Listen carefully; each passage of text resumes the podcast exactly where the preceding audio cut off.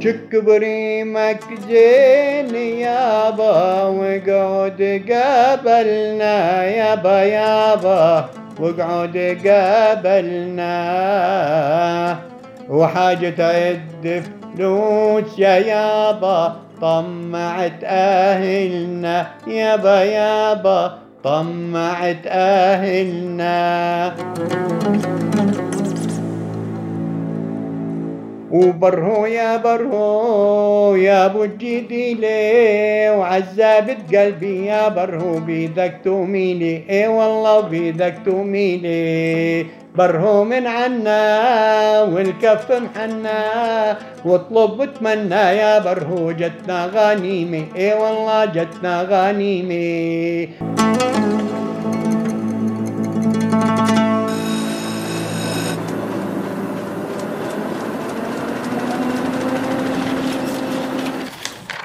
عنب بلدي. بودكاست.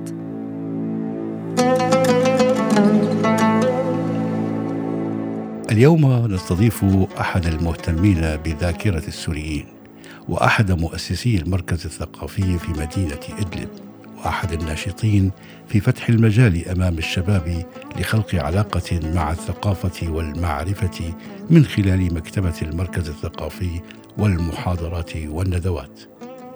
وبدافع الفضول لدى أسرة برنامجنا ذاكرة سورية تواصلنا مع عبد الحميد مشلح مؤلف كتاب العادات والتقاليد وهو من أبناء إدلب ليجتزئ لنا بعض ما دونه نبدأ من قطاف الزيتون.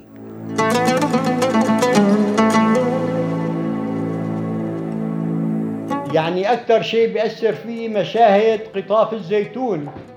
كيف كان أبناء الريف الشرقي لمحافظة إدلب يأتون إلى إدلب لمدة شهر في الشتاء ليقوموا بجمع وقطاف الزيتون. وأذكر أن كان أجر أجرة الفاعل اسمه فاعل هو فاعل الزيتون. الرجل ليرتين ونص والمرأة ليرتين فقط. كانوا ينامون في الحوانيت والخانات والبيوت. وأكثر ما يدهشني أنني كنت صبي في ذاك الحين في ستينيات القرن الماضي. كنا صبية عندما كان النساء البدويات يخبزن في الشوارع آه، الخبز التنور آه، خبز الصاج. وعندما كنا نقترب منهم كصبية لم نطلب منهم بل كانوا هم يقدمون لنا رغيف من خبز الصاج بدون طلب وهم عادة يعني ناس فقيري الحال ومع ذلك إلى الآن أتذكر هؤلاء النسوة أو تلك النسوة التي كانت تقدم لنا رغيف الخبز آه، بدون طلب. وأجد من العادات والتقاليد في أثناء قطاف الزيتون كان الرجال يقومون بسلق الزيتون على الأرض. ما كان في لا نوع مثل اليوم ولا آه، المدات يعني حاليا. كان يسلط الرجال على الأرض والنسوة تقوم بلقط الزيتون من تحت يعني من على التراب. فكانت عندما آه، تكون النسوة تلتقط حبات الزيتون تحت الشجرة والرجال لم يستطيعوا سلت الشجرة التي تليها فيقومون بدرملة الرجال. الدرمول هو عبارة عن آه، عبارة عن وعاء من قش ثم أصبح من بلاستيك أستيك يعني. فكانوا يضعون الدرمول في رأس الرجال. وعادة كانت تتم الزغاليط والهنهنة لهذه الحالة الشعبية الفريدة اليوم ما موجودة. يعني قطاف الزيتون كان له رونق وله جمالية غير اليوم اللي نحن فيه.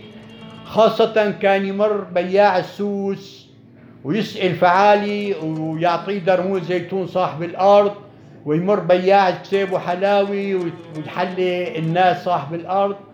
وهاي المشاهد لم تعد موجودة حاليا للأسف.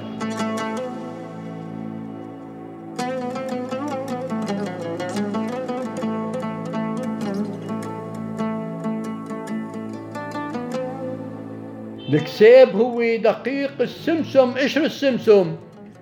ال- الحلاوي العباسي بتصير من قلب السمسم وبيطلع منه زيت السيرج. وقشر السمسم بيساووه كسيب بيتاكل مع الحلاوي طبعا هو غذاء مغذي مغذي طبيعي. يعني الحلاوي من السمسم والكسيب من قشر السمسم.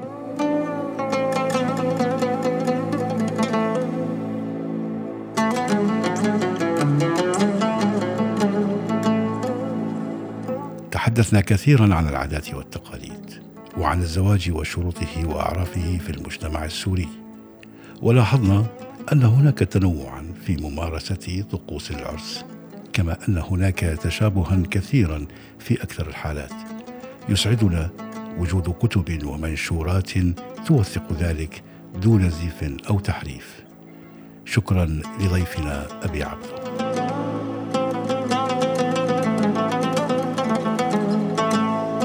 يعني الزواج كان سابقا مثلا المهر. كان المهر أنا من خلال الوثائق العثمانية وجدت أن هناك مهر هو فقط عبارة عن عدد من أشجار الزيتون. ومهر آخر مثلا في قرية آه، مرتين آه، قدم بشر بن محمد لخطيبته 15 غرش والحاف وفرشة وطنجرة ولباد وصحنين وماعون نحاس كبير أي خلقين لنقل الماء. هذا كان مهر آه، بشر. أما مهر مثلا آه، أحد أبناء دركوش كان 15 شجرة زيتون بقرية تل عمار وحتى في إدلب نحن كان مهر المرأة عبارة عن أشجار زيتون. يعني أنا أمي أبويا كتب لها 40 شجرة زيتون مهرة. وكانت الأعراس سابقا غير هلأ. يعني الدعوة مثلا من كانت الخطبة تتم من خلال النسوة بالدوران عن بيوت أو من البنت اللي يشوفوها على جرن الحمام. كانوا الحمامات معظم الخطب تتم من قبل من من من جرن الحمام إنه يشوفوا البنت هي على طبيعتها. هذا هذا ما كان في السابق. ما في خطابات عن النبي إدلب. ما في خطابات. كان الخطبه تتم من قبل أم أو أخوات العريس أو قريباته. يشوفوا البنت اللي تعجبهم ويتقدموا لخطبتها. يطلبوها بعد أسبوع ياخذوا الجواب. عند يكون في إيجاب وقبول يساووا تحشيم لأول عروس ويتم فصل المؤجل والمعجل.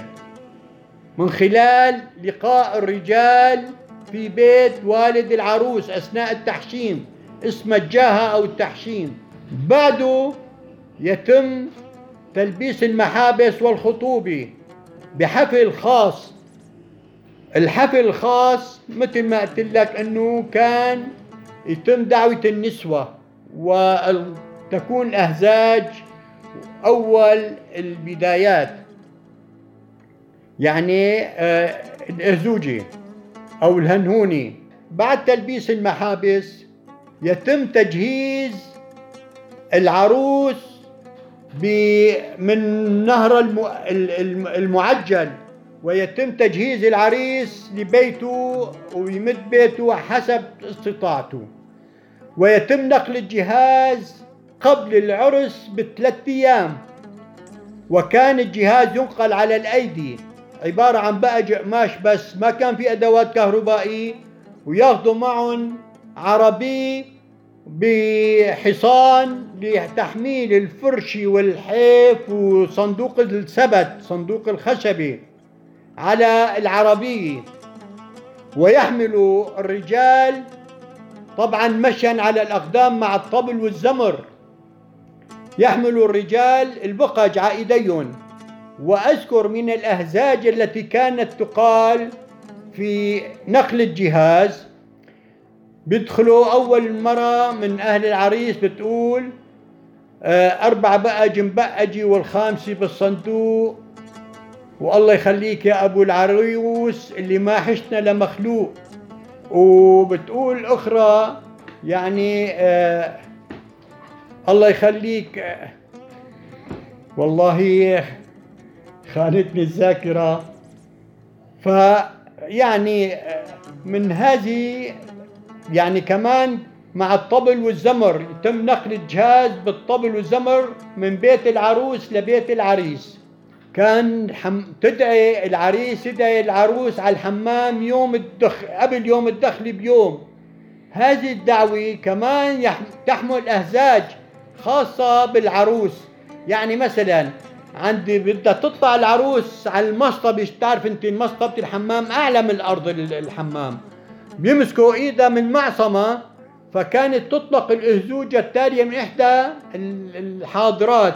وقامت معاصمها وصلت على النبي وتفرقط اللولو فاح العنبري واللي ما بيصلي على النبي لا يسعده وكانت العروس تلبس لباس نحن المحتشم يعني كان في باشاي وغطاء رأس.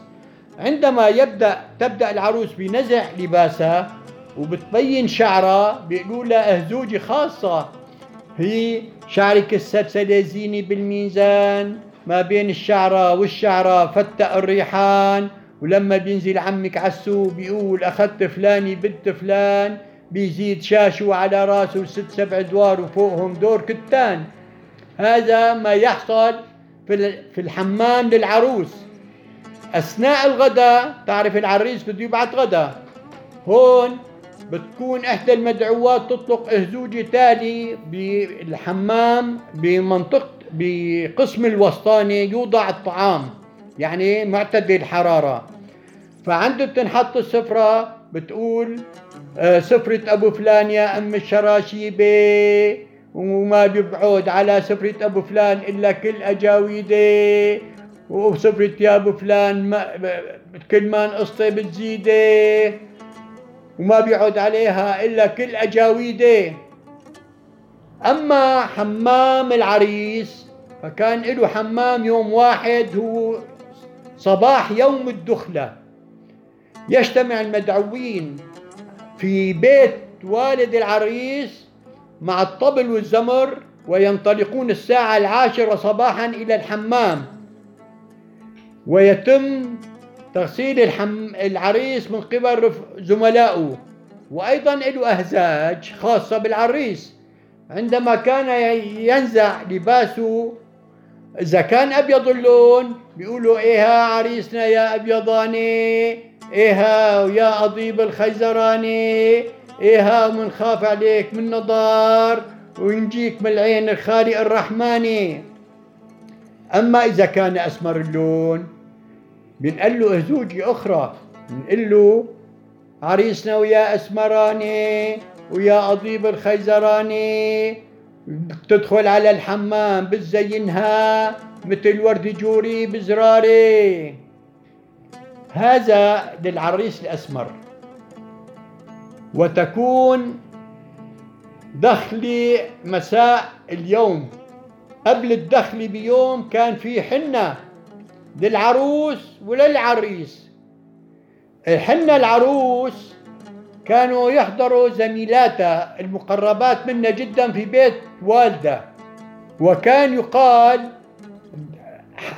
عرو عروس يا عروس قومي لنحنيكي وعنا علالة مثل علاليكي.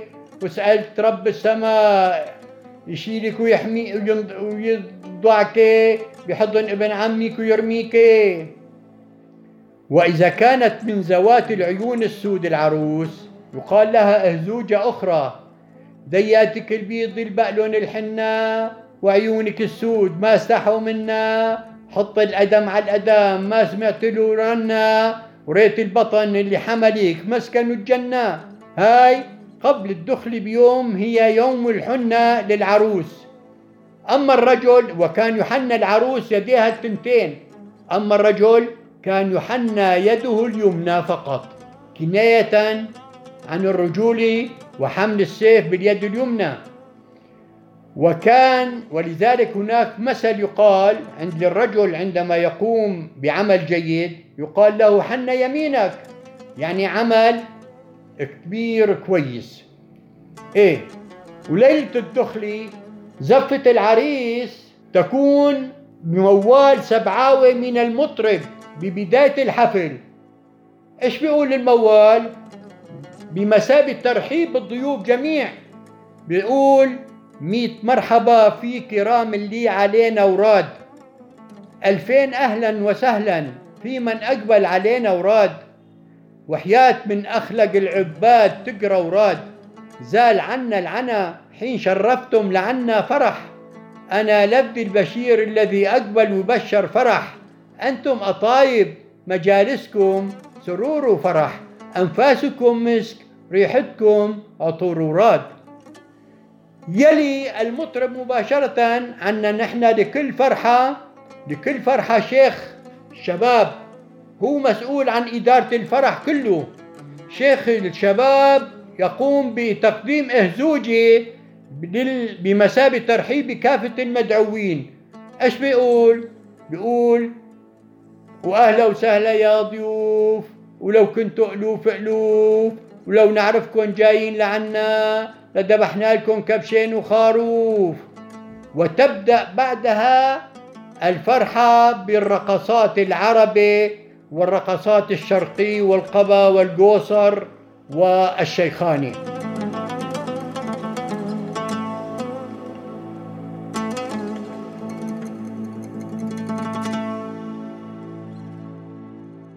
أما زفة العروس فكانت في منفصلة عنا عن الرجال. يعني الرجال لحال والنساء لحال. مو مثل بعض آه، مناطق ريفنا بيكون الزفة مشتركة أو مختلطة. فكانت يذهب وجهاء العائلة الكبار السن ويجلبوا عروسهم على الفرس بعد العصر.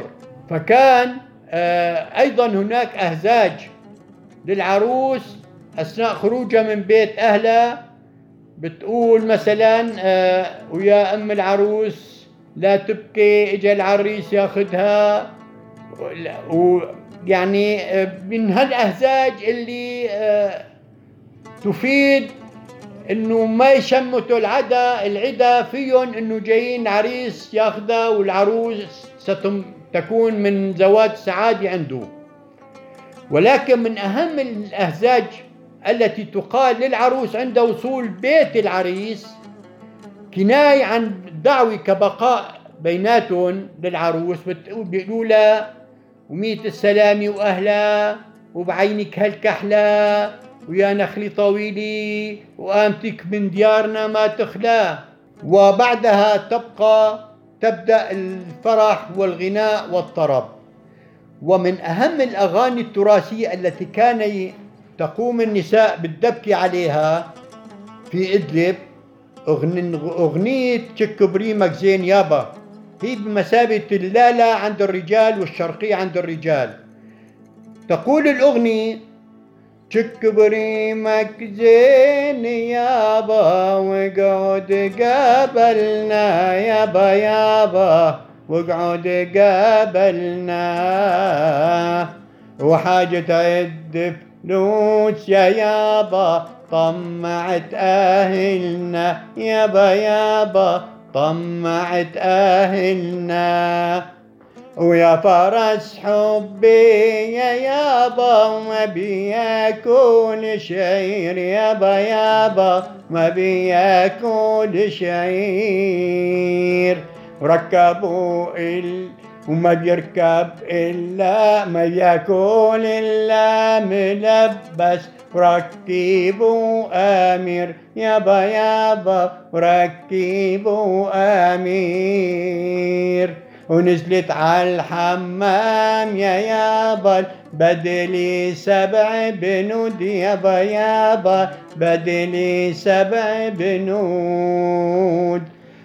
وتكبرني ويلبق للعريس يا يابا عبدين مملوك يابا يابا عبدين مملوك ويعد عليها حوالي أربعين بيت من هالأبيات. والأغنية التراثية الثانية كانت في إدلب عند النساء أيضا. أغنية برهو يا برهو كان تدبك عليها على الخفيف هاي. يعني آه، مثل رقصة ستي على السريع.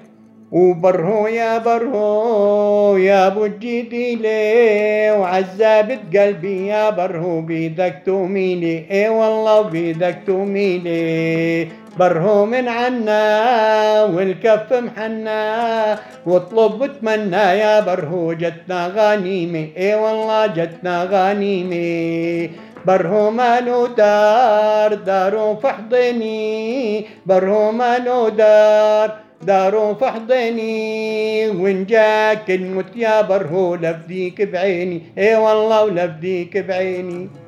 وهكذا. الزوجة الرجال الله يساوى دوس دوس وهي. منين جاي جزرة؟ منين جاي هال هالهزوجة الشعبية اللي كل الناس بتقولها وما بيعرفوا منين جاي؟ الهزوجة الشع... الهزوجة الشعبية تعود إلى أصل آرامي. بالأصل هي جاي من الله لرفض جلالة لكل الناس. دوس دوس بالصاد. افرح ابتهج بالآرامية. الله يساوى بدل يساوى بالعربية هي يشاوي يسهل يوفق. الله يشاوي دوس دوس دبورخ منيح حبيبها. الله لفظ جلالي يشاوي بالآرامي يسهل يوفق. دبورخ لأنه زواج منيح مرضي وسار.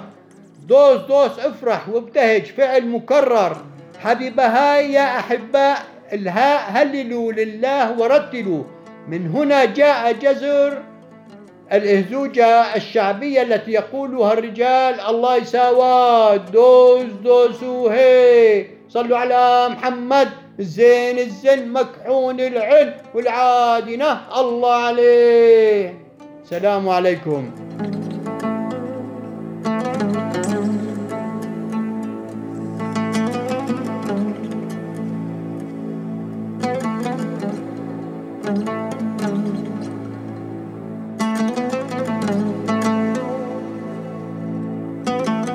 إلى اللقاء مع حلقة قادمة من ذاكرة سوريا